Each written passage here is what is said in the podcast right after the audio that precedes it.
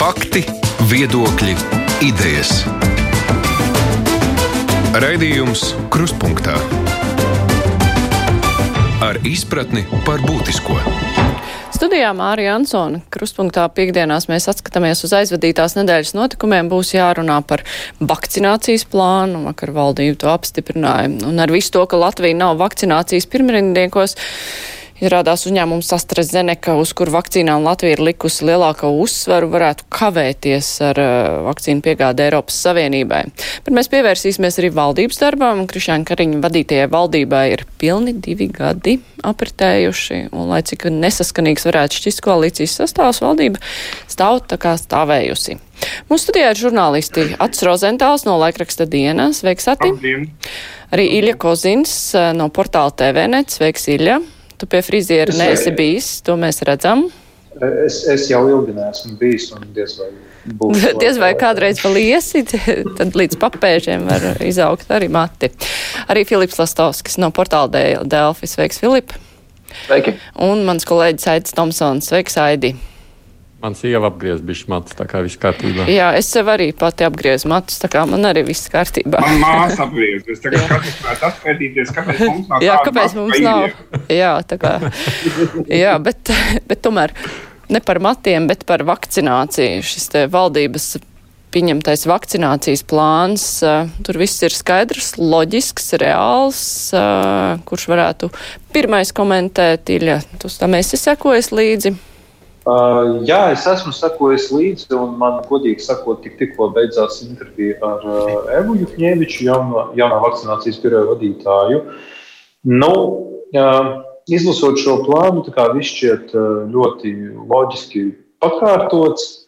Uh, tomēr uh, nu, tas mans secinājums, ka varbūt pašā plānā nav pietiekami detalizētas, detalizēti atspoguļotas darbības, tādā gadījumā uh, Un tajā sliktākajā gadījumā, respektīvi, ja tiešām tie riski, kas ir saistīti ar vakcīnu piegādēm, sevišķi ar AstraZeneca piegādēm, ja viņi īstenojās un ir būtisks vakcīnu pārrāvums, nu, kas notiek tādā gadījumā? Kaut kādu konkrētu rīcības plānu, rīcības scenāriju, pareizāk sakot, vietā, drīzāk tādi vispārīgi formulējumi, ka nu, lūk, daudz kas esot atkarīgs no šīm vakcīnu piegādēm, un šie riski ir. Bet uh, kas notiek tādā gadījumā, ja, piemēram, šīs vakcīnas nepiegādā, tas man īsti vēl uh, nav tapis skaidrs. Un arī uh, nu, mēs zinām, es, es gribētu uzsvērt, ka ar šo, ko es nākamo pateikšu, es ne uz ko nevienu neaicinu, bet nu, vienkārši mums ir precedenti Eiropā. Dažās valstīs, kuras ir sākušas lietot vakcīnas, kas nav akceptētas Eiropas Savienībā. Un tad, uh, uzdodot šo jautājumu, vai Latvijā varētu būt kaut kas tam līdzīgs, skaidru atbildēs neesmu saņēmis. Visticamāk, tas nu, ir jautājums uh, politiķiem, veselības ministrijai. Katrā ziņā atbildot uz tavu jautājumu, kopumā, jā, plāns šķiet loģisks, bet ir nianses. Proti, ka pietrūkst šo konkrēto uh, aprakstīto darbību nu, pašā sliktākajā gadījumā. Kā pārējiem šķiet, nu, no Iļas var saprast, ka šis plāns ir, nu, labs tādā, nu, perfektajā pasaulē, ja viss notiek labi, bet uh, mums ir jārēķinās arī ar to, ka pirmkārt var šīs vakcīnu piegāda kavēties, otrkārt, ka cilvēki var būt ar kaut ko neapmierināti. Un Eva Juhņēviča vakar Latvijas televīzijā arī sacīja, un uh, klausītāji brīvajā mikrofonā vēl rakstīja satraukumu par to, ka varēs izvēlēties vakcinēšanās laiku, bet ne vietu un vakcīnas veidu. Un šis te vakcīnas veids arī var būt, nu, tāds klupšanas akmens, īpaši pēc tam, kad Vācija paziņoja, ka e, cilvēkiem vecākiem par 65 gadiem AstraZeneca nevajag potēt, un mēs esam pateikuši, nu, ka mēs vadīsimies pēc Eiropas zāļu aģentūras vadlīnijām, bet tas nozīmē, ka, nu, mēs vēl nezinām, ko Eiropas zāļu aģentūra pateiks, bet tā, tas, tās bāžas un piesardzība šiem vecāku gadagājumu cilvēkiem attiecībā uz AstraZeneca būs jebkurā gadījumā.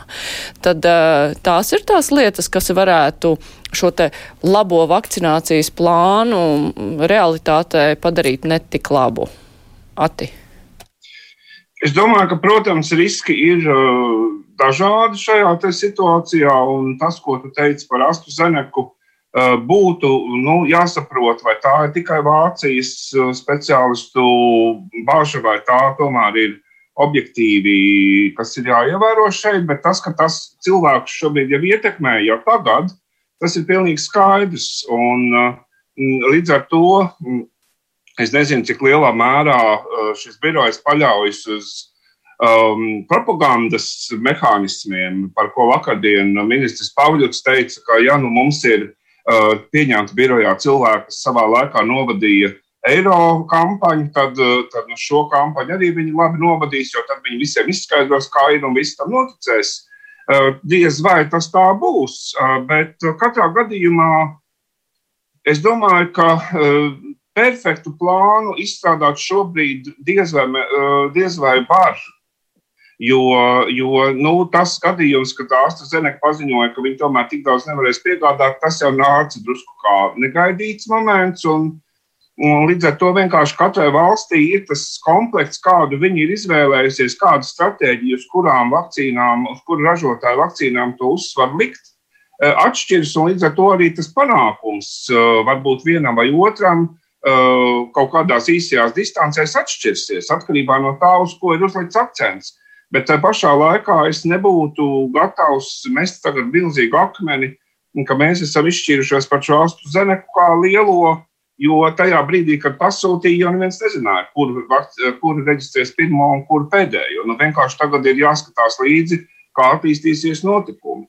Uh, bet, uh, bet, bet tas jautājums, ko Ilja izvirzīja par tām uh, cita veida vakcīnām, kas Eiropā nav un visticamāk arī netiks reģistrētas, nu, viņš var parādīties, ja šie pārāvumi būs būtiski un ilgstoši. Tad gan šis jautājums var parādīties. Un, un es gribētu izteikt arī tādu provokatīvu domu, ka visticamāk, ka Daugopilī, kur negrib vakcinēt Pfizeru, uz Sputniku jau nu, viena daļa šo skeptisko cilvēku aiziet. Bet es arī līdzīgi kā kolēģis negrasos ne uz ko aģitēt, pasak Dievs.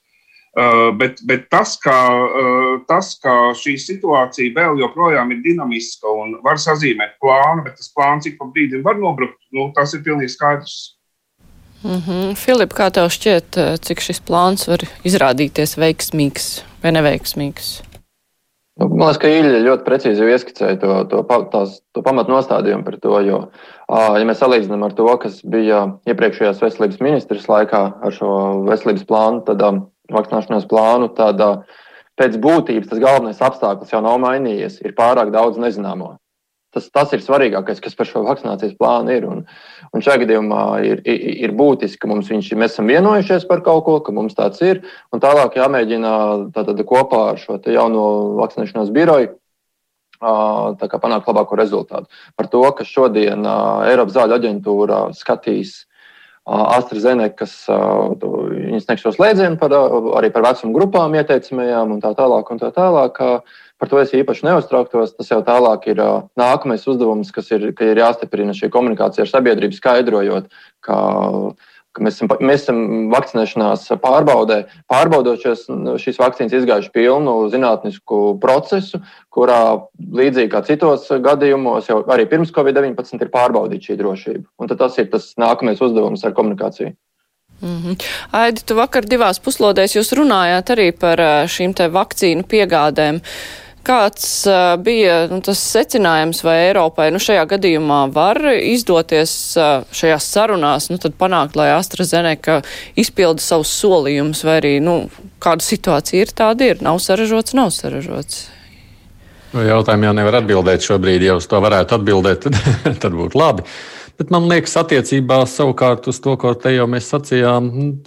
Tur jau tās piegāžu deficīts pirmajos trijos mēnešos jau ir ielikts iekšā arī tas skeptiskais variants šajā plānā, vismaz cik es to sapratu. Rēķinoties ar to, ka šīs AstraZeneca vakcīnas, tādas kādas viņas bija solītas, nebūs. Tā kā no tāda viedokļa es uz šo plānu netik ļoti skeptiski raudzītos. Tādā ziņā viņš jau pats par sevi ir skeptiskāks nekā iepriekšējais plāns, kas bija. No otras puses, tādā ilgtermiņā skatoties, Mēs jau Es nedomāju, ka tas ir jautājums tikai par to, vai kāda atsevišķa valsts grasās iepirkt kādas vakcīnas, kuras nav šobrīd certificētas. Mēs zinām, Sputniks jau arī ir iesniedzis šobrīd certifikācijas pieprasījumu Eiropas komisijā, un viņi to ir pieņēmuši. Viņi šobrīd sāk skatīt, kas nozīmē, ka uh, tikpat labi iespējams arī Sputniks būs pieejams visā, uh, visā Eiropā.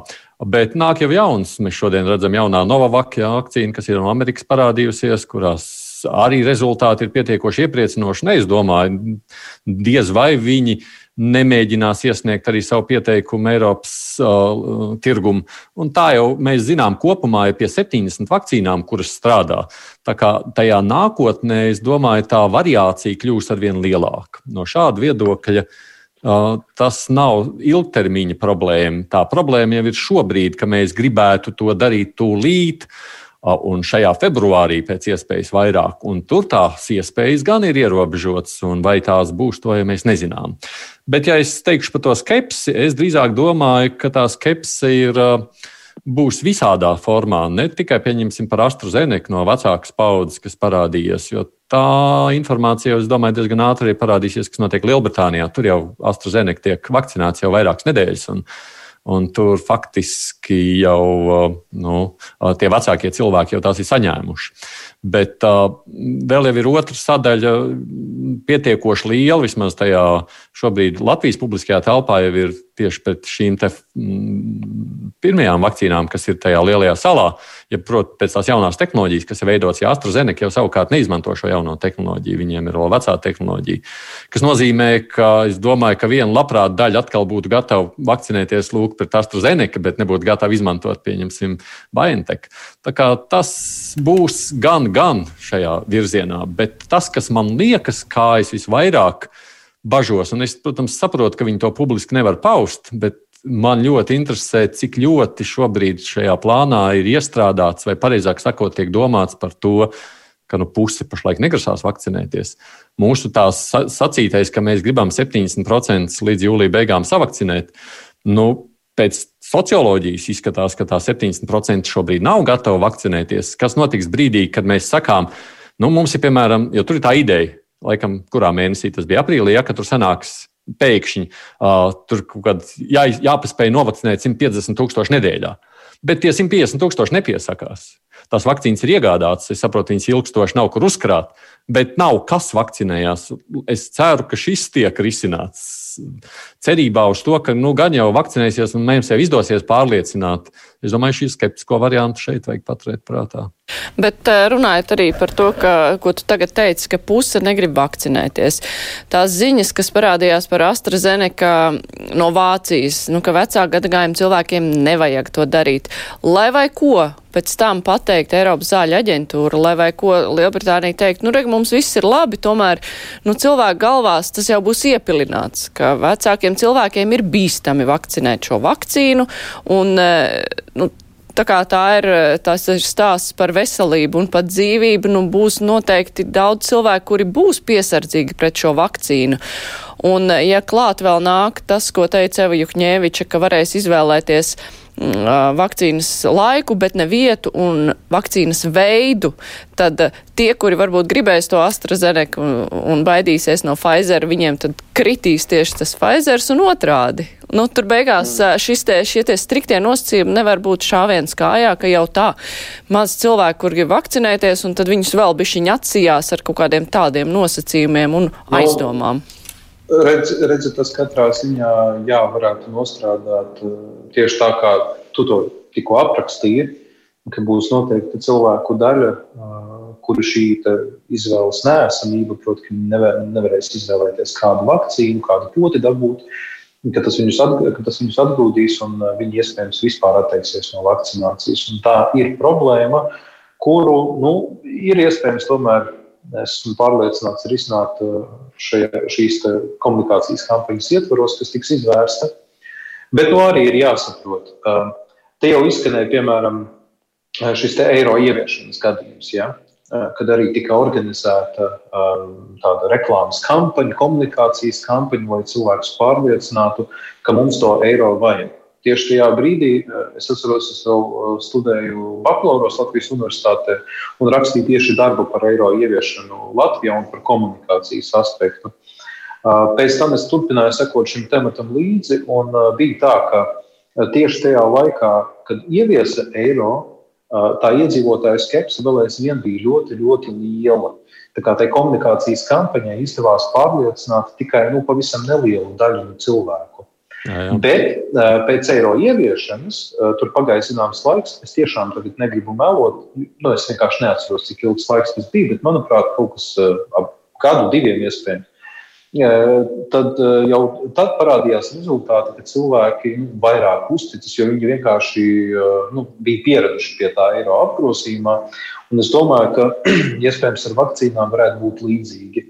Ka tikko, piemēram, nu, cilvēkam apkārt radinieki vai, vai draugi būs savakcinējušies, tad tas šaubīgais, novērojot šos cilvēkus un saprotot, ka viņiem nekas nekaiš un ar viņiem viss ir labi, tad viņš nu, būs vairāk motivēts iet un vakcinēties. Un es domāju, ka tas varētu nostrādāt attiecībā nu, uz diezgan daudziem cilvēkiem. Um, bet nu, ir jārēķinās, jā, ka tik raiti iespējams neies. Un, manuprāt, šis mērķis 70% savakcinēto pieaugušo laikam bija. Nē, vispār Latvijas iedzīvotāju. Pieaugušo, jā, jā, nu, 70% pieaugušo, ka tas ir varbūt pārāk optimistiski līdz vasaras beigām dabūt. Es domāju, ka nu, būs labi, ja izdosies kaut kāds 50%. Tas jau būs sasniegums. Tā kā, bet katrā ziņā, jā, komunikācijas kārtība vajag. Jā, nē, mērķis ir jāizvirza. Es pieļauju, ka tajā mērķī varētu būt tādā veidā korekcijas. Un es jau ļoti ceru, ka tas plāns ir elastīgs. Tā jau tam arī vajadzētu būt pēc idejas. Tajā situācijā, kad mēs redzam, nu, pieņemsim, kad, jo seniori jau, man liekas, pat varētu būt viena no tiem atsaucīgākajiem. Tā vismaz, laikam, arī tā aptauja rādīja, ka tie vecākie cilvēki ir vairāk gatavi šobrīd vakcinēties nekā tāda mana paudze. Nu, kas nozīmē, ka kādā brīdī būs jāļauj vienkārši tiem lietām iet ātrāk, kas vakcinēs, vakcinēs, kas nē, nē. Un tad es, piemēram, paredzu, ka situācijā, kurā mēs nonākam līdz brīdim, kad, nu, pieņemsim, ir novakcinējušies 50 cilvēki, 50%, pieņemsim, un tur to vajadzīgos 20 nav, bet vakcīnas ir sapirktas. Mums ir stāv gan BioNTech, gan, gan AstraZeneca, gan Moderna, varbūt vēl kaut kādas. Nu, tajā brīdī būs tā izvēles iespēja, parādīsies. Un kāpēc, lai viņi nepiedāvātu? Ja kāds cilvēks sacīs, es vakcinēšos tikai tad, ja būs šī. Un galu galā, ja neviens nepiesakās un tās vakcīnas ir pēc izvēles, nu, Kāpēc? Nē? Es vēl gribēju piebilst to, ka par, tā, par tiem procentiem, cik daudz uzticās vai neusticās, tā, nu, šobrīd nav tik daudz socioloģisko aptauju, lai mēs tagad ar drošu sirdi teiktu, ka 50% vai 70% uzticās vai neusticās. Tās aptaujas bija SKDS, laikam, veids. Man liekas, SKDS bija jā, bet tik, tik būtiskā un sarežģītā jautājumā uz vienu SKDS aptauju mēs paļauties nevaram.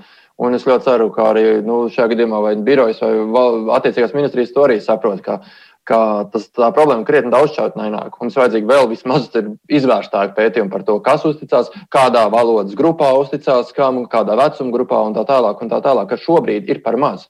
Savukārt par šo teikt, ka nevarēs izvēlēties, Juhņevičs pat arī ir piebildusi par to, ka nu, protokolu šādām situācijām vēl gatavo un precizē. Nav jau vēl skaidrs, ka vai ja būs AstraZeneca un uh, iekritīs Vienalga, vienalga vai kaut kāda, ja kāda cita lācīša šprice. Uh, un es nevēlēšos viņu saņemt, uh, vai man būs vai nebūs iespēja dabūt citu. Vēl jau nav skaidrs, ka tiešām nebūs iespēja dabūt citu. Kā Jukņevičs minēja, to protokolu par to vēl izstrādās. Jā, tas ir atkarīgs droši vien, atkarīgs droši vien arī no tā tiešām kā tās piegādes reāli notiks. Jo, jo ja e, tiek piegādāts tikai viena ražotāja, tad mēs, protams, nevaram nekādu izvēli nevienam nodrošināt, ja tajā brīdī nekā cita vienkārši nav. Bet, ja, ja ir e, tajā brīdī Latvijā jau trīs teiksim, ražotāji, tad šīs variācijas iespējas ir plašākas. Bet e, tas jau atkal ir jautājums par loģistiku, jo Jo vai šīs uh, sarežģītāk uh, pārvadājumās un uzglabājumās vakcīnas var izvadāt pa visu Latviju un uzglabāt tā, kā vajag, mm, uh, Tāpēc jau arī savā laikā tā izvēle uz to AstraZeneca krita, ka tā ir ievērojami vieglāk tomēr uh, transportējama un uzglabājama. Un, uh, un, un līdz ar to uh, viena lieta ir, ka es gribu vakcinēties ar Pfizeru, bet otra lieta ir, vai man, teiksim, līdz kaut kādam punktam, kurā es atrodos, to Pfizer var atgādāt. Bet, bet tas, ka teiksim, nevarēs izvēlēties vietu, nu, es domāju, ka tam, tas tur jau arī birojas tomēr organizēs tādā veselā saprāta robežās. Jo nevar jau būt situācija, ka man piedāvā braukt uz Dārgāju vakcinēties. Ja? Vai, jo, tur, jo tur neviens te vakcinēs. Tā jau arī tas droši vien nenotiks. Tur tomēr kaut kāda drusku nu, pašvaldības vai, vai, vai, vai, vai, vai tuvāko vietu aspekts ir jāņem vērā. Jo nevar pateikt, jūs varat vakcinēties, bet tikai Liepājā. nu kur tad? Nē, mums ir klausītājs rakstis, gan nezinu, uz ko tas ir pamatots, vai tā ir informācija vai, vai pieļāvums, ka atkarībā no reģistrētās dzīves vietas, no deklarētās dzīves vietas.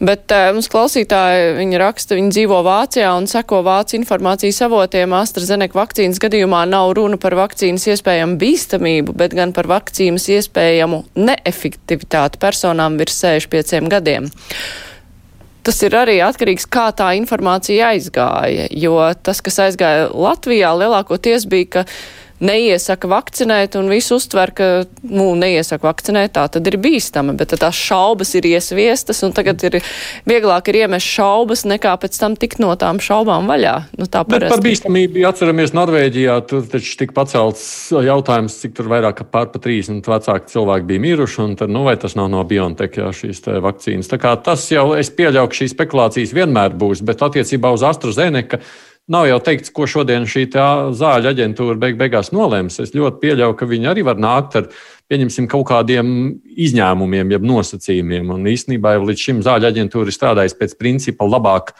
mazāk riska nekā lielāka pieejamība. Nu, attiecībā uz pirmajām divām tas laikam vairs tā nedarbojās. Redzēsim, kā tas būs ar šo ņemot vērā īpaši to skandālu, kāds šobrīd ir AstraZeneca. Mm -hmm. Mēs te vairāk kārt pieminējām Evu Juhņēviču pagājušajā nedēļā. Tas bija pārāk liels jaunums, lai īpaši apspriestu viņas atbilstību vakcinācijas biroja vadītājas amatam. Um, nu, cik var lasīt kaut kādos sociālajos tīklos, tur domas dalās. Vieni saka, ka viņai ir izcils caursišanas spējas, ka viņa var ļoti labi nu, kārtot visas organizatoriskās lietas, citi apšauba, ka viņa savukārt um, nesaistība ar medicīnu varētu būt mīnus. Kā jums šķiet, vai tā izvēle bija laba vai nebija laba šim amatam? Nu, uh, ir tā. Agrāk, pirms kaut kādiem daudziem gadiem, es biju ļoti pārliecināts, ka, lūk, tur, piemēram, veselības ministram noteikti ir jābūt ārstam, vai tur, piemēram, nezinu, zemkopības ministram būtu jābūt zemniekam, respektīvi, jābūt visiem tādiem tehnokrātiem. Bet tomēr nu, dažādu valstu pieredze rāda, ka ļoti nozīmīgas ir tieši šīs organizatoru prasmes un ka tas strādā pat, ja tev pirms tam nav bijusi pieredze attiecīgajā jomā.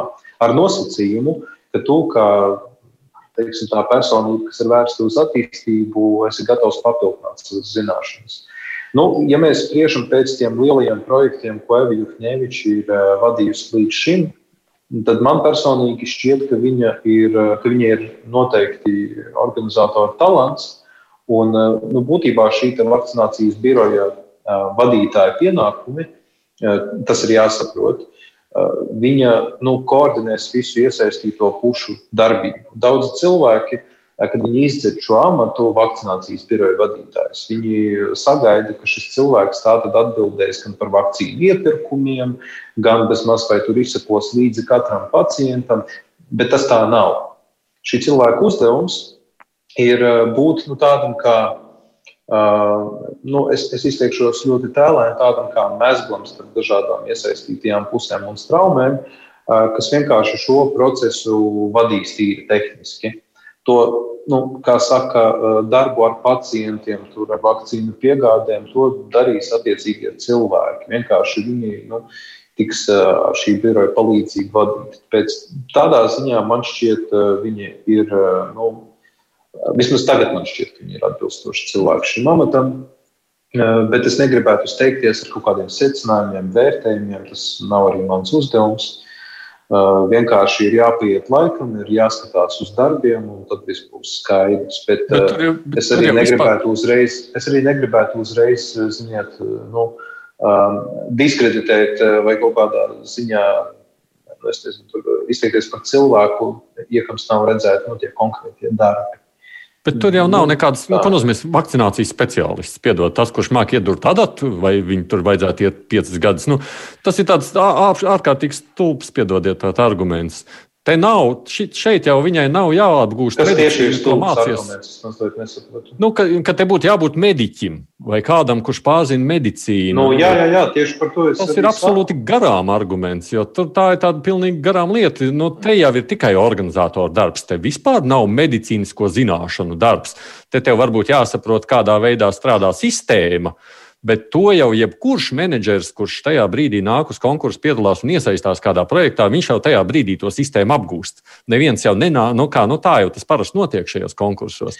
Tāpēc, Jā, tā jau notiek, bet es uzskatu, ka tik augstprātīgi teikt, ka tas ir stulbi arī nevar, jo tev ir jāsaprot, Aidi, ka daudzi cilvēki šīs lietas nesaprot. Nevis, vienkārši nesaprot, tāpēc, ka vai nu nav interesējušies, nu, vai nu tā nav tā kā viņu dzīves sastāvdaļa un vispār viņiem nav jāzina viss pilnīgi. Un tas ir mūsu uzdevums, lai skaidrotu šo atbildības sadalījumu.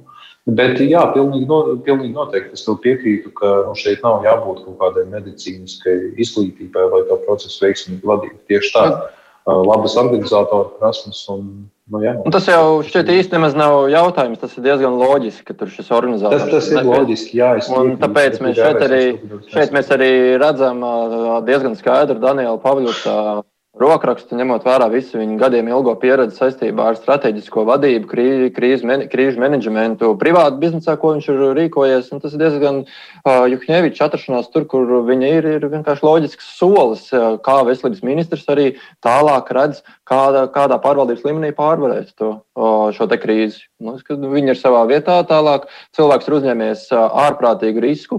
Līdzīgi kā jaunais veselības ministrs, veselības ministram, tā arī Juhņevičai šie, šis ir vissvarīgākais, būtiskākais viņu mūža darbs, kāds viņam jebkad ir bijis. Iespējams, vispār. Arī Pavļutam šis ir absolūts pārbaudījums un tests tam, kā, cik pamatīgs vai svarīgs viņš pēc tam paliks vai nepaliks politikā ar kādu svaru. Un arī Juhņēvičai viņas vislielākā pieredze ir tests tam un svarīgākais darbs viņas mūžā. Nu, mums ir jāvēl viņai tikai veiksmi, lai viņai sanāk. Jā, tieši tā, jo es domāju, ka risku ir pietiekami daudz un arī tā sabiedrības teiksim, interesi šobrīd ir ļoti sāsināta, un katras, katra darbība, kas šajā te, uh, birojā notiek, šodien parādījās, piemēram, atkal diezgan asas diskusijas par mēbeļu iegādi. Uh, katra arī ar konkrētiem teiksim, soļiem, varbūt pastarpināta saistīta darbība, tiek ļoti uh, sāsināta, vērtēta, tāpēc ka tomēr tika pievērsta uzmanība arī šim algu jautājumam, un tā tālāk. Šī diskusija aizgāja ļoti tādā, nu, viņa, viņa starta pozīcija nav sevišķi komfortabla šobrīd, un, un tāpēc arī tā drusku tāda nervozitāte, kā ies paši šie menedžēšanas darbi, jo tieši no tiem jau ir atkarīgs, vai pēc tam uh, sabiedrība norīs to visu pārējo, kas ap šo te ir sacelts, vai, vai turpinās skatīties ar aizdomām un katru katru teiksim, nobīdi no grafika, katru eh, kaut kādu neveiksmi loģistikā, vai, vai parādīsies kaut kādas ziņas, ka kaut kāda daļa ampulu diez pasargi ir bijis jānoraksta vai kaut kas tāds, tad momentāli jau sitīs tieši tāpēc, ka mm, nu, šis birojs būtībā, šī biroja izveidošana ārpus uh, ministrijas ierastās struktūras tomēr nozīmē, ka druscīgi tiek veidots tāds kā drošības spilvens attiecībā pret ministriju, ka nu, tagad, kā teikt, nesitīs pa taisno pa, pilnu, pa pilnu ministriju kopumā, bet tieši par šo biroju, ja kaut kas tur no, nobruks un, un notiks. Bet nu, cerēsim, ka, ka šis modelis, kā Filips teica, pareizi, ka tas ir, protams, risks un ka tas ir būtisks šiem konkrētiem cilvēkiem, kas tur iesaistīti. Bet, bet nu, jārēķinās, ka šis fons, uz kura viņi sāk, viņiem nav labvēlīgs. Bet, Tur ir aizdomīgi. Bet jautājums arī, kas ir tas aizdomīgums tieši, jo nu, kaut kādus apsvērums par mēbeļu iegādi, nu, tā ir vairāk vai mazāk zeltainās tādas preses lietas. Tā veido fonu, Filip. Tā veido fonu. Tā mēs jau ar tevi varam pārskatīties, mm. mums tas nav svarīgi šī gadījumā. Bet tā pašā laikā tas veido visu laiku šo uh, nu, teiksim, sajūtu, ka tur kaut kas nav kārtībā un atliek vienam tādam materiālam parādīties otram, trešajam, un nav jau tā, ka tie materiāli nebūtu gluži iemesli. Ja? Mm. Tad, tad aiziet tā nu, sajūta, ah, tie ir tie, uz tiem jau mēs tā, kā, nu, tā skatāmies, ne tā. Bet, uh, bet dabūt pāri, tā, pāri šai sajūtai un dabūt to, ka viņi tiešām strādā, viņi tiešām Viņu darbam ir augļi, sākas vakcinācija visā Latvijā. Šī vakcinācija notiek ritmiski, tur nav nekādu problēmu. Tas ir tas punkts, kurā mēs varēsim sākt vērtēt šo darbu nevis pēc tā, kas ir tagad kā iesākts. Nu, Bet ļoti raksturojoša vēstule ir, nu, es nolasīšu vienu vēstuli, kas, man liekas, ļoti labi raksturo nu, to kopējo aizdomu fonu, ka klausītāji raksta, manuprāt, diskusijās par vakcinācijas biroju tā izmaksām un izvēlētajiem kandidātiem ļoti pietrūks diskusijas, vai tāds vispār ir nepieciešams. Juhņēvičs izvēle tikai pastiprināt rada aizdomas par šī dārgā pasākuma lietderību. Respektīvi, daudz cilvēku domā, ka vakcinācija jau notiktu tāpat un tika organizēta arī tāpat bez vakcinācijas biroja ka veselības ministrija tāpat ar to nodarbojās, un tad nav īsti skaidrs, kam tas birojs vispār ir vajadzīgs. Tajā fonā jau savukārt nāk stāsts, ko mēs redzējām gada sākumā, jeb gada mijā līdz ar Ilas Viņķelas demisiju, un mēs redzējām, ka tas tāpat izskatījās ļoti bēdīgi. Tāpēc jau acīm redzot, tā ideja tappa. Jo, nu, iespējams, ja jau, ka tad arī mūsu veselības ministrijas kapacitāte ir ļoti švaka, ja tas tā sanāca. Es šajā gadījumā gribētu aizstāvēt patiesībā gan veselības ministriju, gan, gan šo jauno biroju. Jo atšķirībā piemēram, no premjera Kariņa, kurš regulāri ir izvairījies pēdējo divu gadu laikā no dažādām mēdīju intervijām un no kritiskiem jautājumiem, gan sabiedriskajā mēdījā, gan arī portāla Delfa gadījumā tad atšķirībā šobrīd Juhņēviča ir jau izrunājusies gan pie mums, gan sabiedriskajā mēdījā, tagad TV, net viņa būs vēl un vēl un vēl. Cilvēki ir gatavi skaidrot šajā gadījumā iesaistītās atbildīgākās puses, veselības ministrija un, un, un pats paša biroja vadītāji, viņi iet uz komunikāciju atvērtu un atbild uz jautājumiem, un līdz ar to tas, manuprāt, automātiski arī parāda nedaudz to attieksmi caurspīdīgumam, kādam, kādam viņi ir gatavi. Krišāns Kariņš jau sabiedriskajā mēdījā gan parādās. Aidīna nu, bija ja jūs, intervija. Ja jūs, ja jūs atcerēsieties šo te speciālu izlaidumu Latvijas televīzijā, kurā bija, kur vadīja Guns Bojārs kopā ar, ar jūsu kolēģi Bērtulu, tad tur jau bija jau piebildi par to, kādos nosacījumos kā viņš piekritīs, kad viņš ir piekritis vai nav piekritis piedalīties. Un šādas mazas nianses ir ne tikai Latvijas televīzijai. Nu jā, nu, bet tā bija tā īpašā situācija tieši uz ministrs atlaišanas brīdi. Bet, jā, bet, bet runāja, īpašā jā. situācija ministriem vienmēr būs neizdarīgos Tas viņu, gan. viņu pieredzes brīžos. Man nav tāda pieredze. Tas, rādi, jā. Jā, man nē, šajā nu... gadījumā gan uzreiz jāsaka, man nav tāda pieredze. Atvainojiet, mēs pie, mēs premjeru Kariņu pie Dombura gaidījām mēnešu, līdz viņš varēja saņemties uz sarunu. Jā. Nē, Latvijas radio laikam vieglāk ar šo lietu iet, bet uh, vēl pavisam īsi Jā, par vienu. Tas, tas, tas mm -hmm. citu ir arī tāda lieta, jo. Nu, Jums arī? Es, es, pilnīgi, es pilnīgi saprotu to, ko Filips saka.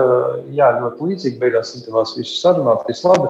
Uh, bet uh, nu, ir tāda lieta, ka daži, uh, es tagad nerunāju par, par premjeru, bet nu, drīzāk man šobrīd ir viena cita situācija. Neatklāšu, ar ko tieši saistīta. Eh, bet nu, tur arī, piemēram, eh, jautājot pēc eh, intervijas, vien, vienas amatpersonas intervijas, kā nu, sākotnēji tiek izvirzīts arguments, ka lūk, laika nav, bet tad, kad parādīja, kā tad tā, tur pēdējo mēnešu laikā dažas intervijas jau bijušas, nu, tad atbilde ir tāda, ka sabiedriskie mediji ir prioritāte.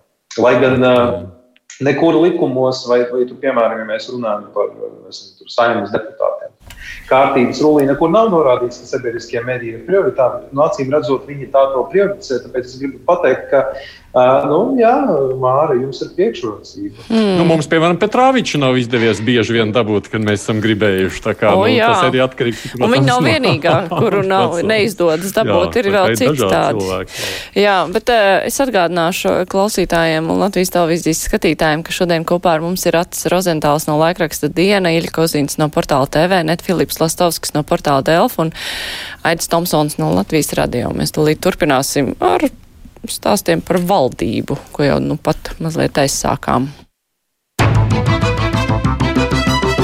Raidījums Krustpunktā. Jā, Krišāna Kariņa valdībai ir tie divi gadi apaļie apritējuši, un uh, lai cik uh, valdība, nu, sākumā šķita tāda nesaskanīga, un tomēr tā ir nostrādājusi, plus vēl vesels gads, nu, jau gandrīz ir pandēmijas apstākļos. Um, Sāku, es pirms gribētu runāt par vienu no šīs valdības sastāvdaļām, KPVLV, kas arī ir visu laiku uzskatīta par to ļodzīgo spārnu, un nu, vienmēr tiek uzsvērts, ka šī partija valdībā tiek turēta tikai nu, stabilitātes vārdā, lai būtu tāds maksimāls skaits, nu, pēc iespējas lielāks deputāta atbalsts. Šonadēļ KPVLV valde atsauca parakstus no koalīcijas līguma. Frakcija savukārt no valdības aiziet negribēja, pēc tam izrādījās, ka arī valde tā kā nedomāja, ka būtu jāiet projām no valdības, bet jums ir vispār skaidrs, ko, ko īsti viņi gribēja, kāpēc tas tā notika? Tas ir diezgan skaidri vienkārši jauna varas pozīcijas izrādīšana ir, ir jauna valde partijā, un viņi cenšas parādīt, kurš tagad šobrīd partijā ir, te, ir noteicējis. Tas, ar ko viņi iespējams nav rēķinājušies, ir, ir tas, ka frakcija var vienkārši ignorēt šo valdi. Ja mēs paskatāmies no, no likumiskās puses, tad nav nekādu šādu saistošu pienākumu frakcijai atsaukties aicinājumam aiziet no koalīcijas. Tas ir vienkārši aicinājums. Nu jā, principā hauss un varas izrādīšana. Jā, es piekrītu Filipam. Nu, es, piemēram, vispār nesauktu vairs KPV par partiju. Tur ir uh, pilnīgs haoss. Uh, ja mēs vēl ņemam vērā tos reitingus, kas, kas viņiem ir, tad nu, ir acīm redzami, ka tas, ko agrāk sauca par kam pieder valsts Latvija, ir absolūti pievīluši savus vēlētājus. Ja, ja par viņiem tagad ir tik maz gatavi balsot, jo nav arī īsti skaidrs, par ko, piemēram, balsot uh, nākamajās vēlēšanās. Es domāju, viņi tur pārveidosies vēl simt eh, vairāk reižu. Tā kā, jā, es, es piekrītu Filipam, ka tā ir vienkārši tāda, tāds mēģinājums šobrīd parādīt, kurš te ir namā saimnieks. Un, uh, godīgi sakot, tas izskatās ļoti neveikli. Un es gribētu vērst uzmanību pirms vairākiem gadiem. Man liekas, ka tas bija pirms uh, kārtējām saimnes vēlēšanām. Mēs vēl toreiz uh, sēdējām krustpunktā, tātad Latvijas radio studijā klātienē. Es atceros, ka es toreiz nu, diezgan pārliecināti stāstīju, ka tas ir tikai labi, ka KPV ienāks saimā, daža, viedokļu dažādība pārstāvēta būs un tam līdzīgi. Tāds uh, labs pienesums demokrātijai. Nu, uh, Es, es kaut kādā ziņā laikam tomēr atzīstu, ka biju kļūdījies, jo ir pierādījies tas, kas pierādās attiecībā uz uh, nu, gandrīz visām populistu partijām, ka tie vēlēšanu saukļi ir ļoti skaļi, bet izrādās, ka tā kapacitāte un veiktspēja nu, ir uh, ļoti maza. Šīs partijas maz ko var, var izdarīt. Viņi visi ir ļoti skaļi bļāvēji, bet, kad nonāk, nu, kad nonāk līdz reālām lietām, ja tev kaut kas ir jāpiedāvā, jādara, jānonāk pie kompromisiem, nu, tad uh, lien ārā visādi brīnumi. Nu, tā. Es domāju, ka KPV ir tas gadījums, kad revolūcija nevienu reizi, vien, bet vairākas reizes aplīs savus bērnus.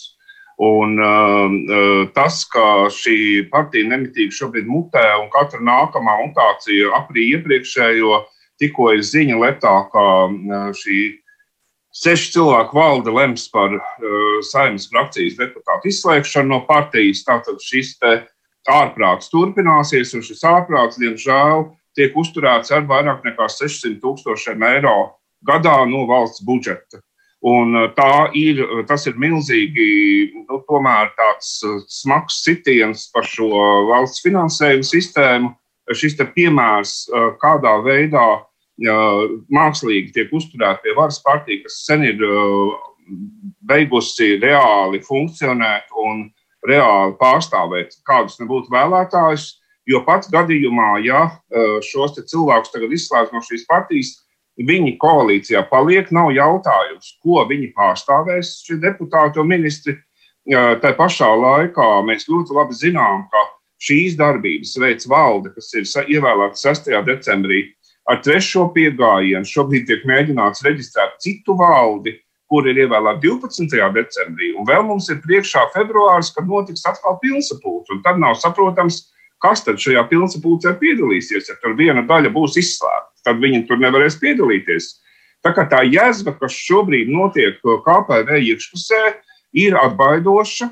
Uh, tur uh, ne tikai Janīna Kursīta kā deputāte izstājusies no šīs partijas, bet uh, stājas laukā, cik man teica Rolands Millers, tiešām ļoti daudzi cilvēki. Mēs vispār nezinām, cik cilvēku šobrīd šajā partijā reāli ir. Uh, Hauss ir neaprēķināms, uh, uh, kā tas turpināsies uz priekšu.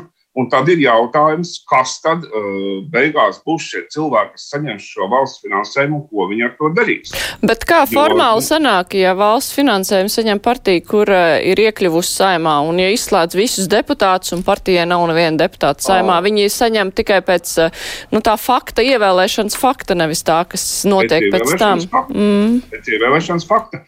Nav mehānisma. Un, uh, Un par to ir runāts un diskutēts. Un es esmu dzirdējis arī kaut kādas versijas, kas, kas, ko ir izteicis arī valsts prezidents un tam līdzīgi par to, kādā veidā uh, gadu gaitā varētu mēģināt ieviest kaut kādas korekcijas šajā finansējumā. Uh, vienlaikus, nu, ja mēs paskatāmies, man kolēģi laikrakstā diena ir veikuši tādu analīzi, uh, vai citās valstīs šāda pārskatīšana tiek veikta. Nu, lielākajā daļā valstu, kur, kur vispār šis finansējums no valsts budžeta notiek, šāda pārskatīšana netiek veikta, jo viņu acīm redzot, viņu partijas sistēma ir stabilāka. Bet, uh, bet tas, ka arī nu, uh, pieregistrēja, balstoties uz dokumentiem, uh, tādas sapulces lēmumu, kurā piedalījās ārkārtīgi neliels partijas biedru skaits, kas notika 6. decembrī, tas arī ir fakts.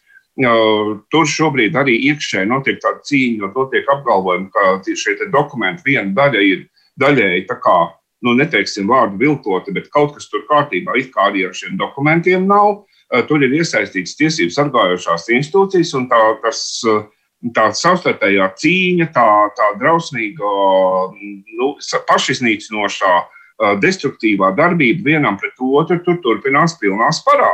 Un, un, un, jo tās valdes, kas viena, kas it kā funkcionē, un otra, kur grib tikt pie varas, uh, ir savstarpēji izslēdzoši. Tur ir cilvēki, kuru viens sastāvs ir izslēdzis no, ot, nu, un, un, un, un, no partijas, un otrs ir izslēdzis atkal citus.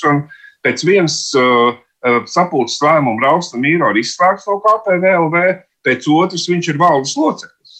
Bet nu, tā otra vēl nav reģistrēta. Bet kas notiks tad, ja to tomēr reģistrēs? Tad atkal viss mainās. Un, protams, ka šādos haosa apstākļos šie cilvēki eh, vai nu aizies no partijas vispār un vairāk mūžā nevienā partijā neiestāsies, vai pieslēgsies, piemēram, Gobzem partijai vai kādam citam. Un to mēs arī nezinām, bet tas, ka KPV dziesma ir nodziedāta, ir pilnīgi skaidrs. Un tas, ka šī um, jā, jāatrisina šis jautājums, kas notiek līdz uh, nākamajām saimnes vēlēšanām, nu, bail pat iedomāties, kā tas attīstīsies. Mm -hmm. Aidi. Tu arī sāki runāt. Es pārtraucu tev, piedodāju. Nē, nekas, tev bija ļoti interesants stāstījums. Tur viss ir kārtībā, tu, tu devi to savu aspektu. Nē, es pat nezinu, vai man te ļoti daudz ko gribētos piebilst. Tur jau viss ir diezgan skaidrs. Man mazliet tas atgādina, ja atsauc atmiņā 90. gadu vidu, kad uh, saimā tika ievēlēta Alberta Kaula. Oi, Alberts bija, kā viņam tur bija vārds. Jā. Jā. Kaula vadītā partija, kur diezgan ātri izjuka, sadalījās. Tur izveidojās, man liekas, seši atsevišķa frakcija jā, no tā visa. Kuriem arī tur bija daļa pie teikšanas, sākumā atcerieties, valdībā viņi bija. Nezinu, kuriem, kuriem ir atmiņa no tiem laikiem vēl. Un, protams, viņi jau kā tāda partija jau neizdzīvoja. Ne? Kaut kas ļoti līdzīgs arī notika ar Zīgaristu partiju, ja mēs atceramies, kas arī frakcijā bija. Līdz ar to ir skaidrs, ka tie cilvēki vai nu kādi pieslēgsies kādai esošai partijai, un, piemēram, tāds, tur, nu, tur jau ir skaidrs, ka šobrīd ir sašķīduši vairākās daļās. Tur vienā vietā ir kaimiņš, otrā pusē ir govzems, kas jau veido savu nākušo partiju, tad ir šīs valdes, kas savā starpā plēšas, vai ne? Tur jau tie cilvēki ir jau tagad uh, vis visādās drumstaliņās sadalījušies. Un kādas jau no tām drumstalām arī mēģinās turpināt šajā politikā palikt, bet tas, ka viena lielākā daļa, protams, pazudīs ar laiku no skatuves politiskās. Tas ir saprotams. Nu jā, bet Kalu partijas gadījumā nebija valsts finansējuma tādos apmēros, eh, kura nu, dēļ nu, obligāti vajag turēt pie jā. dzīvības šo veidojumu. Par valsts finansējumu pilnīgi noteikti tas ir uh, pārskatāms jautājums. Es jau, man liekas, par šo te runājām pirms pāris mēnešiem. Es domāju, kādā brīdī jau politiķi līdz tam nobriedīs, vērojot no otras puses ir jau labi skatīties, cik ilgi. Man liekas, šis ir tāds eksperiments, kurā brīdī nu, ir skaidrs, ka kādam nāksies iejaukties. Nevarēs tā vienkārši stāvēt uz laiku no malas un skatīties, kur aiziet, cik tie pārpa pusmiljoni vai ne. Nē, nu, mums jau tāpēc ir politiskā organizācija finansēšanas likums, kur mums ir atrunāta arī partijas valde kā subjekts, kas arī šo finansējumu saņem un apsaimnieko naudu. Nu, jā, jā, bet nu, šo likumu kā... noteikti var grozīt, skatīties, un kārtība ir jāmaina. Mēs jau redzam, nu, labi, ja citās valstīs tas nav radījis tādu precedentu. No precedentiem mācās. Muļķi no kļūdām mācās, piedod, gudrie, piedodiet. Muļķi nemācās vai neko nedara. Ja, nu, katrā ziņā šis ir uh, kārtējs stāsts par harizmātisko līderu partijām, kur brīdī, kad uh, harizmātiskie līderi tiek nobīdīti nost, uh, pie varas pieraujas cilvēki, kuri vai nu tāda partija izšķīst vispār, Uh, atcerēsimies, jau būtībā arī Zakara partija pēc tam bēdīja. Uh, tur jau arī viņi vienkārši uzsūcās citos politiskos spēkos. Tur, jā, bet tur bija uzsūkšanās jau no vienotības. Viņi jau arī sabruka no iekšienes. Ja, un, un, un, un es, starp citu, prasīju Aldim Govzamam dienu pirms viņa partijas dibināšanas sapulces, vai viņš nebaidās no tā, ka viņa partijā notiks līdzīgi procesi, un, un ka tur varbūt arī mētiecīgi būs iesūtīti kaut kādi cilvēki, kas patiesībā jau uzreiz determinēti grasīsies vēlāk šo partiju graut. Un viņš uh, atbildēja, ka tieši tāpēc viņš uh, šo valdi uh, nosaka vienpersoniski, kas, protams, nav nekāda demokrātija. Ja? Viņš izvēlējās valdes locekļus, un tad cilvēki, kas gāja reģistrēt šo partiju, vai nu tad akceptē šo viņa izvēli vai nē. Bet uh, tajā brīdī, kad šī partija reāli sāks funkcionēt, jo es domāju, ka viņš šobrīd vispār neaptver, kas īsti tajā partijā ir sastājušies par cilvēkiem, uh, tad jau tur arī sāksies kaut kādas iekšējās turbulences un kaut kādi iekšējie grupējumi, jo mēs neviens nezinām, kas tur ir sastājušies. Un tā atkal ir kārtējā harizmātiskā līderu partija, kur visi tagad saka, mēs ejam aiz šī konkrētā līdera, mēs ejam vienot. Un tajā brīdī, kad šī problēma rodas. Bet šī problēma rodas tikai tajā brīdī, kad tu nonāc jau pie vismaz tuvu pie varas, ja ne pie varas. Jo tajā brīdī tev ir nu, kamēr tu esi opozīcijā, tu jau vari būt arī viens līderis un visi tie pārējie tajā brīdī pakļauties. Tiklīdz tu nonāc pie varas, tev ir jāatrod kādus ministrus, tev ir jāatrod kādus, kas sēž nezinu, saimnes prezidijā vai tam līdzīgi, kāds notika ar kaimiņu, piemēram, šajā gadījumā. Nu, proti, un tad jau savukārt tu gribi vai negribi izaudzēt no savas vidus kādus līderus ārā. Nu, ir jau var veiksmīgi un varbūt neveiksmīgi. Mēs jau redzam, piemēram, ja ir ļoti stingra roka vai uztais tāda hierarhija kā Krievijā, Putins, tad viņam izdodas arī tos līderus paturēt pakļautībā, bet tas var arī neizdoties. Bet Ramons Petrāvičs mandāta likšana un nelikšana un beigās nolikšana arī bija saistīta ar to, uh, nu, ar tieši ar cilvēkiem, kas uh, pārstāvēs uh, KPV saimā un respektīvi vai nu atbalstīs vai neatbalstīs valdību. Nu, pret viņam arī tika izdarīts spiediens. Nu, Īstenībā jau viņi nolika ne jau labprātīgi to mandātu, viņi nolika tikai tāpēc, ka pret viņus tika izdarīts spiediens. Nu, nekas neliecina, ka tas cilvēks, kas nāks viņas vietā, grasītos um, kaut kādā veidā nepiekrist šai uh, esošās frakcijas uh, pozīcijai. Liekas, ka viņš tajā iekļausies un ka viņš tajā būs, uh, ka, viņš, ka viņš paliek tajā pusē. Mm, tā kā nu, uh, šobrīd uh, vienkārši mm, ir jāsagaida atkal kaut kādi lēmumi un jāsaprot, uh, jo tas arguments, ko izsaka šī pašreizējā valde, ir ka frakcija nepilda partijas priekšējošos solījumus. Protams, partija gāja ar absolūti bolševistiskiem uh, opozicionāriem solījumiem, kuri šobrīd, būdami valdībā, netiek pildīti. Tas jau tā ir realitāte.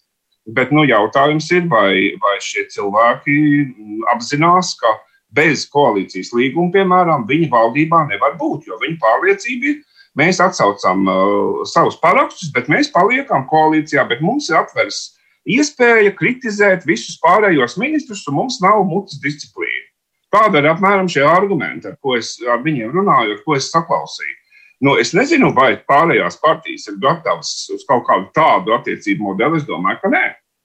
Mm -hmm. Valdība var iztikt bez KPVLV. Nu, kā mums laikam ir bijuši precedenti ar visādām mazākumu valdībām, tā kā Nu, viss, kas ir iespējams. Tur jau pat nebūtu mazākuma. Nu, jā, ņemot vērā to, ka ir pie frakcijām nepiedaroši deputāti, kur atbalsta valdību. Jā, jā, jā, jā tieši tā. tā kā es, es, es nedomāju, ka KPL ir kaut kas obligāts, bet nu, tajā pašā laikā uh, nu, tas vektors no paša valdības izveidas sākumā tik tiešām bija. Es tur piekrītu. Nu, galvenais nešūpot to valdību tā ļoti.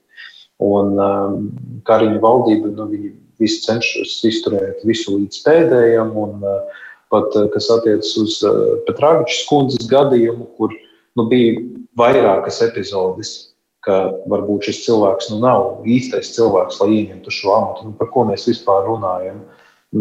Viss tas stāsts jau pašā sākumā par vīru uzņēmumu, kur maksāja aploksņu algas, nu, piedodiet. Tas jāsaka. ir skaidrs, jā. Bet es domāju, ka tā atslēga, kāpēc Kariņam ir izdevies jau divus gadus noturēties un varētu būt izdarēt, iz, noturēties vēl ilgāk, ir tieši tajā, ko viņš izdarīja atšķirībā no citiem. Varbūt tāpēc, ka viņam pārstāvēja šī mazā partija. Viņš paņēma balstu, ja balastu, proti, ka viņa valdība varēja iztikt no trim partijām, bet viņu uztaisīja no četrām. Ja mēs atceramies, šīs diskusijas ir bijušas gandrīz pirms visām iepriekšējām valdībām, gadus 20 jau. Taisām tā saucamo, nu, nevaravīksnes pilnību valdību, tāda jau runa arī šeit nebija beigās, bet nu, plašāku koalīciju vai šaurāku, nu, proti, dalāmies vairāk, vai nu uzņemamies paši vairāk atbildību. Un gandrīz vienmēr visas iepriekšējās valdības izvēlējās pēc šaurākā principa. Un arī diezgan ātri krita. Šobrīd tā sajūta, nu, ja es to vienu izmetīsim ārā, tad mums joprojām ir vairākums. Viņa gribi vai negribi, mazliet ir uzlikuši šo disciplīnu gan attīstībai par, jā, kur kādā brīdī bija tikpat riska zonā, gan ap JKP arī šādi, un tad ir bijušas visādas diskusijas, gan arī, protams, KPVLV, bez kuriem arī var jau īstenībā iztikt. Nav jau viņi vajadzīgi, ja valdība var turpināt darboties. Un šis tāds mazliet striķīts, kur var raustīt, es domāju, šajā brīdī ir premjeram tas, kas ļauj turpināt darbu.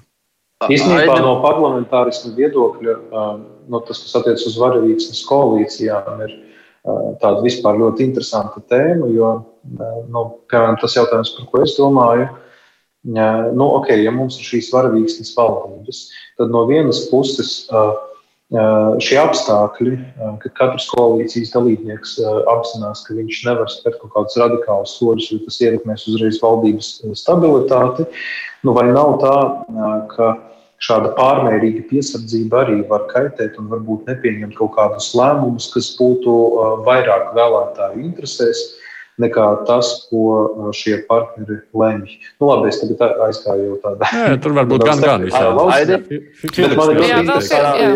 Vēl tikai pēdējā lieta. Ļoti Bet ļoti ātri mums laika vairs nav. Partneru attiecību jautājums nāk grozījums atversmē jo tas tiešām ir kaut kas tāds, kas varētu tās koalīcijas partneris. Mm -hmm. Filipa, ja tu vari īsi. Aida, ātrs, ātrs jautājums, vai tavuprāt tā valdības stabilitāte, kas mums šobrīd ir, ir tā vērta, lai tā rezultātā mums būtu ministrs ar, ar absolūti iepriekšēju ne, nepieredzējušu CV un to rezultātu, kas mums šobrīd ir sociālās aprūpas namos.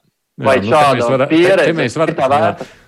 Bet vai, ja būtu trīs partijas, vai tur būtu labāks rezultāts, par to es arī neesmu pārliecināts? Nu, izskatoties, kuras tās būtu partijas. savukārt, noslēdzot tas eh, viss, ko es dzirdēju par KPVLV, nu, tas man izklausījās savukārt, ka partija, acīm redzot, vēl kaut ko cera izdarīt, iespējams, nākamajās vēlēšanās, un tas, eh, ko Atis kā raksturoja, ka ar bolševistiskajiem saukļiem viņi nāca pirms tam, nu, tad tagad tiek gatavot atkal kaut kas līdzīgs tāds uzrāviens, lai nevarētu pārmest, ka tā jau tā valdības partija, mums taču viss ir jāgāž. Var jau būt, ka viņi vienkārši gatavojas vēlēšanās. Bet es saku paldies, mums laika galīgi, galīgi vairs nav. Šodien kopā ar mums bija Ats Rozentāls no laikraksta Diena, Filips Lastovskis no portāla Delfi, Kozins no portāla TVNet. Arī mans kolēģis Aidis Tomsons no Latvijas radio. Pirmdien kruspunktā mēs uh, lielā intervija, un uh, mūsu intervijas viešņa būs bijusī valsts kontroliera Lita Krūmiņa. Raidījums izskan producente e, Evi Junām studijā bies Mārija Ansona. Vislabāk!